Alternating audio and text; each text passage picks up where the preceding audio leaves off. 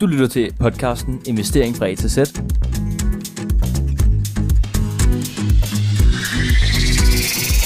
Hej og velkommen til Investering fra A til Z. I dag kommer vi til at tale med Søren. Han har en YouTube-kanal og er allerede i gang med udlejningsejendommen. Vi kommer til at tale om, hvordan han startede, hans egen strategi, hvad han kigger med lejere og med lån og en masse andre ting. Men Søren, hvordan er det egentlig, du startede med at komme ind i ejendomsinvestering? Så startede det med, at øh, min, øh, min svor og jeg, Tobias, det er ham, jeg øh, investerer i ejendom med, vi øh, købte aktier, og vi gik meget op i de her udbytteaktier. Det var sjovt ligesom at modtage et beløb hver eneste måned fra de, fra de her udbytte. Og det, det stod på i en, et års tid og så videre. Men øh, altså lige pludselig så, øh, så, så tænkte vi bare, at det, det, det var sgu ikke helt nok og så begyndte vi bare at undersøge markedet for, øh, for ejendomsinvestering mere og mere. Og ja, jeg tror, det, det tog i hvert fald nok et, et år fra, at vi fik tanken om at gå i gang, til vi rent faktisk øh, var i gang. Så er der også tid for at komme i gang. Men hvad er egentlig den største forskel for at investere i ejendom i forhold til at købe aktier? Er det bare det, at du investerer lånte penge? Ja, det kan man sige. Altså, jeg har det med, jeg, jeg er sådan måske lidt en kontrol, kontrolfreak på det område. Uh, jeg har det bedre med, at jeg, når jeg har investeret i noget, at huset det kan gå ud og kigge på, jeg kan gøre ved det, det er det, er det jeg har lyst til, og jeg kan optimere det, så, så jeg ser det som en forretning i stedet for en investering måske. Mm. Uh, fordi hvis jeg vil have mere i leje, jamen så kan jeg gå ind og lave nogle forbedringer, jeg kan lave nogle uh, forskellige energioptimeringer, der gør, at jeg sparer lejeren for x øh, i forbrug på varme, eller sætte solceller, og så kan man hæve den på den måde, eller du kan gøre legemålet mere attraktivt ved at lave flere værelser, øh, hvis plantegningen tillader det. Og på den måde, så kan du lige pludselig gå fra måske at tjene øh, 7.000 om måneden til måske at tjene 8.000 om måneden, og, og sådan, sådan kan man lave de her optimeringer, og det er ligesom, det, det er en selv, der er herre over, at det her, det skal, det skal løbe rundt, og ikke bare man, når man ligesom køber aktier, så sætter du pengene i, et firma, og så krydser du fingre for, at dem, der modtager dem på den anden ende, de, øh, de kan finde ud af at administrere de her penge ordentligt. Og øh, der mener jeg bare, der har jeg da bare en bedre følelse med, at jeg ved, at når jeg køber det her, så er det mig, der har ansvaret for det, det er mig, der står for det, og så er det mig, der også har ja, ansvaret for, at det, det kommer til at, at, at køre. Nu når du er i gang og se tilbage, hvad havde du så sagt til dig selv for to år siden? Jeg vil sige, hvorfor fuck gjorde du det ikke noget før? Undskyld, jeg skal ikke bande. Ej, øh, jeg vil nok sige, at, øh, at, at man skal forhøre sig med nogle flere banker. Og det er det, der spiller en kæmpe rolle, når det kommer til ejendomsinvestering. Det er jo netop det med bankerne. Ja. Og bankerne, de kan, de kan føle som om, at de modarbejder en. Det, det kan det bare desværre. Ja, det føler jeg virkelig, når man har snakket med dem i hvert fald, at det virker som om, at de bare vil øh, køre over, og så bare tænke, ja ja, så fik vi en til. ja, det er præcis. Det, jeg ved ikke, om de har et eller andet scoreboard over, hvor mange der er. det, det kan men, godt virke ja, sådan i hvert fald. Ja, det, det, det, det kan det. Det, det er ret træls. Det kan lyde lidt nemt at bare komme i gang, men er det ikke lidt svært at komme i gang, bare sådan fra scratch? Ja, det var det også, for, for i vores tilfælde, så var det 400.000, vi skulle komme op med ja. øh, på den ejendom, vi købte til 1 million, som var den første. Men øh, det var jo en blanding af, at vi havde sparet sammen i over en længere periode, og vi likviderede alle vores øh, aktier, fik dem ud, og sådan, så vi kunne bruge det som, som udbetaling. På det, på det tidspunkt, der, der vidste vi ikke, at vi kunne få bedre end 40%. Der var vi sådan lidt, fedt, de ville under os 60%, lad os bare komme i gang. Og hvad der så ellers sker med, med, med, med, med markedet, øh, boligmarkedet, det kan man jo så ikke rigtig gøre så meget ved.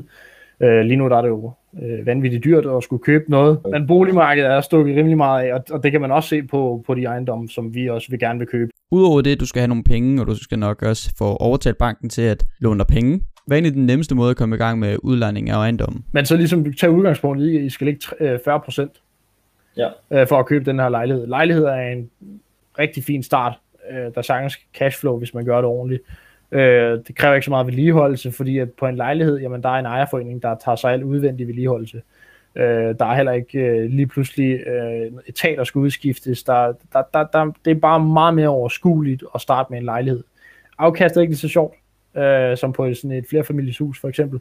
Men en lejlighed er en perfekt, start, øh, perfekt måde at starte på, fordi at, øh, det heller ikke kræver lige så meget øh, at købe en toværelses på 60 kvadratmeter. Men det er ikke alle, der har den her kapital til udbetaling af udlejningsejendom. Er det så bare at tjene en masse penge for at få den her likviditet, for at få en masse penge, til man så kan smide i det? Lige præcis, fordi det, det, er simpelthen, det er simpelthen den, en af de største barriere for at kunne komme i gang med, med, med, med at købe ejendom. Det er netop, at du skal have den likviditet for ja. at, det, at man kan, kan komme i gang. Og det, det, er sgu, det, det er ærgerligt, at man skal have så meget, fordi det, ja, det, det, det er ærgerligt, og, og det er godt, fordi dem, der er veletableret, de, der er ikke så mange udefra konkurrenter, hvis man kan sige det på den måde. Så den bedste måde for os unge ligesom at rigtig komme i gang med det her, det er jo at arbejde for at få et kapital, som kan bruges til udbetaling af din første ejendom. Og det er jo altid sådan med markedet, at tid i markedet slår timing af markedet. Så selvom priserne på ejendom er rigtig høje i pt, så over tid så vil du stadig kunne tjene penge på det.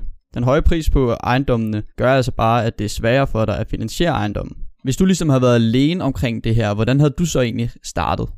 Jeg kunne forestille mig, hvis det var, at jeg var alene om at, at gøre det, at øh, jeg så ville nok starte med at lave enkeltmandsvirksomhed, og så køre det igennem den der virksomhedsordning. Fordi at man kan køre, man kan starte med at køre det på ens, øh, ens skældsfaktor. Og det betyder så, at du kan låne 4, 4 eller 4, 4, 4,5 gang øh, ens årsindtægt. Det kan du få lov til at låne. Okay. Og øh, når det er, du låner det, jamen så, så spænder det så bare ben for, at du ikke kan gå ud og købe dit eget.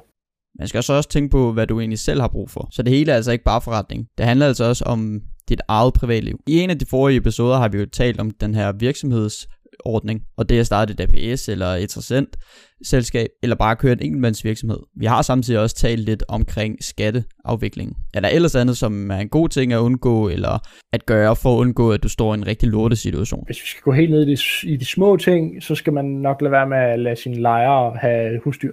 De, de slider bare på, på så meget. Forsikre sig i hovedet røv for så meget som overhovedet muligt på ejendommen. Vi har, vi har haft en, en vandskade øh, i, i et af vores legemål, som, øh, så det vil sige, at der er en hel væg og hele gulvet, der skal skiftes, øh, og der skal affugtes derude og så videre. Så, men det er noget, forsikringen tager sig af, så de okay. slipper for øh, 4500 til en selvrisiko. Og hvad så, når du har købt ejendom? Så smider du bare en lejer i, og så er det bare passiv indtægt, og så er du bare millionær om et par år, eller hvad? Man kan ikke købe en ejendom og tro, det er passiv indtægt. Selvfølgelig, hvis du, du, du kan betale dig fra og stå, sådan, så du har andre til at stå for, for, øh, for vedligeholdelse og administration af, af, af legemålene og sådan noget. Øh, og på den måde kan det så blive passivt. Så det er, som du siger, stadig en forretning. Du står stadig med et rigtig stort ansvar, og du påtager dig stadig risiko i form af, at du altså låner penge for at smide dem ind i en bolig. Hvor ofte hører I egentlig fra jeres lejere? Er det ofte, eller er det bare, når der er problemer i, i ejendommen? Er det sådan, de ringer hver anden dag, og så skal man stå nede på, på, på jeres ejendom for at snakke med jeres lejere, eller hvordan er det?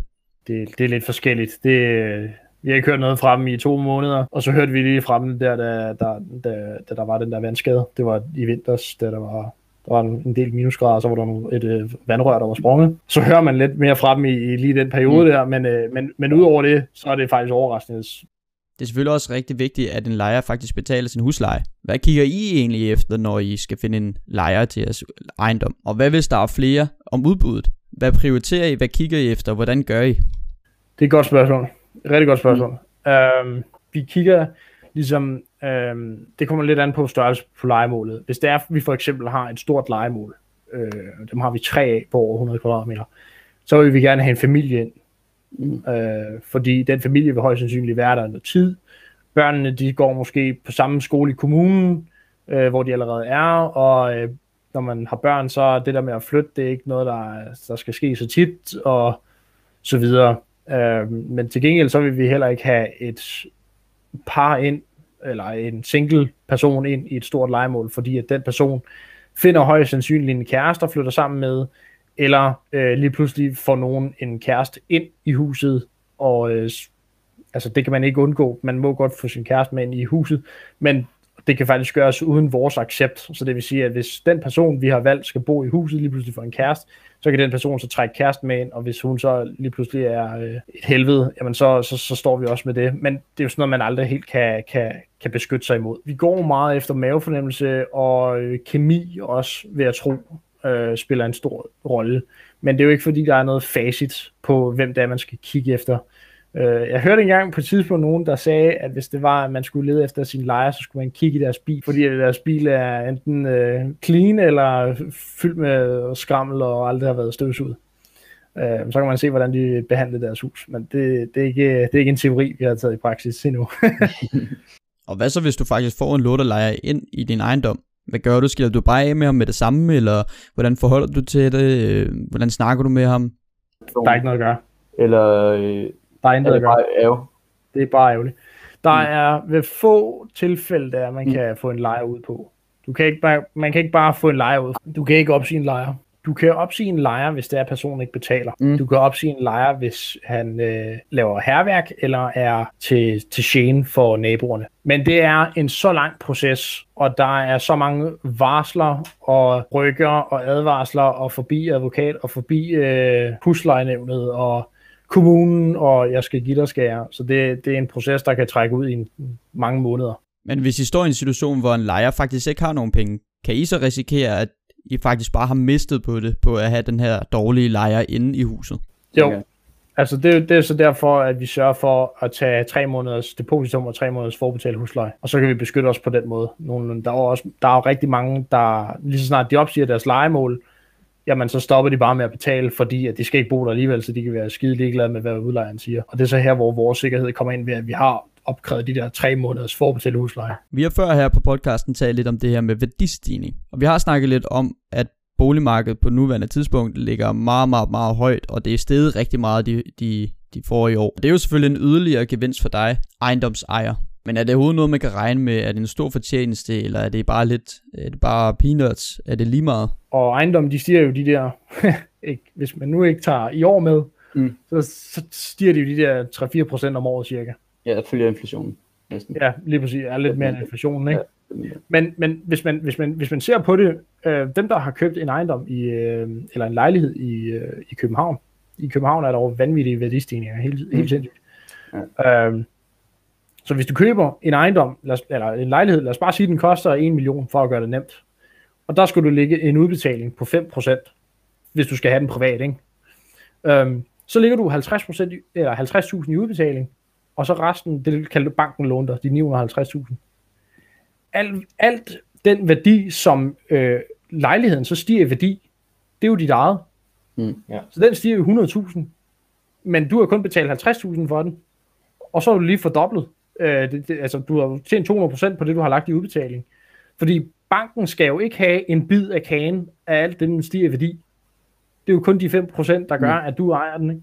Og vi ser jo, at at øh, mange af lejlighederne på Amager og, og, og, og Nørrebro og Østerbro og sådan noget, de er jo fordoblet på fem år. Ja. Så, så alt hvad værdistigningen er, det er jo, det er jo bare, der går direkte ned i lommerne på, på folk. Også hvis de har det privat, så er det jo skattefrit, hvis de selv bor der, ikke? Altså, det, det er jo... Mm. Det er jo næsten... Ja, fjollet ikke at være med. Men ja, man kan jo ikke altid uh, styre det på den måde. Og det sidste spørgsmål her, det er omkring den her med, med lån. Der er mange forskellige lånetyper, som vi også har lidt gennemgået her i podcasten. Gør du brug af afdragsfrihed, eller gør du brug af fastforrentet lån, eller hvordan forholder I jer til det med jeres øh, ligesom, øh, strategi? Banklån. Ja. Øh, der vælger vi altid at få 30 års. Mm. Altid 30 års med, med fastforrentet. Mm. Fordi hvis det er, vi lige pludselig, nu er der nogle, nogle rygter om, at, øh, at renterne stiger og så videre. Jamen, hvis det er så, at man har variabel rente, jamen, så kan du lige pludselig øh, risikere, at du skal til at betale mere i rente. Vi har lært rigtig meget at tale med Søren, og vi har virkelig elsket det. Du kan se hele den her samtale inde på Sørens YouTube-kanal, som du selvfølgelig kan finde i beskrivelsen. Vi har altså fået en meget dybere forståelse på, hvad den her investeringsform egentlig indebærer, og hvad det egentlig kræver af os af forarbejde. Uden tvivl, du skal ud og tjene nogle penge, så du har nogle penge til udbetaling. Samtidig kan man ikke helt sammenligne det her med indeksfondes i form af en passiv investering, for du har stadig noget ansvar. Og ikke mindst den her forarbejde med omkring, hvilken leje du skal have ind i din ejendom, hvilket vi har talt om er meget, meget, meget vigtigt. Og hele den her samtale, den har været nem at forholde os til, især for os unge. Tusind tak fordi I lyttede med til Investering fra A til Z. Håber vi ses næste gang.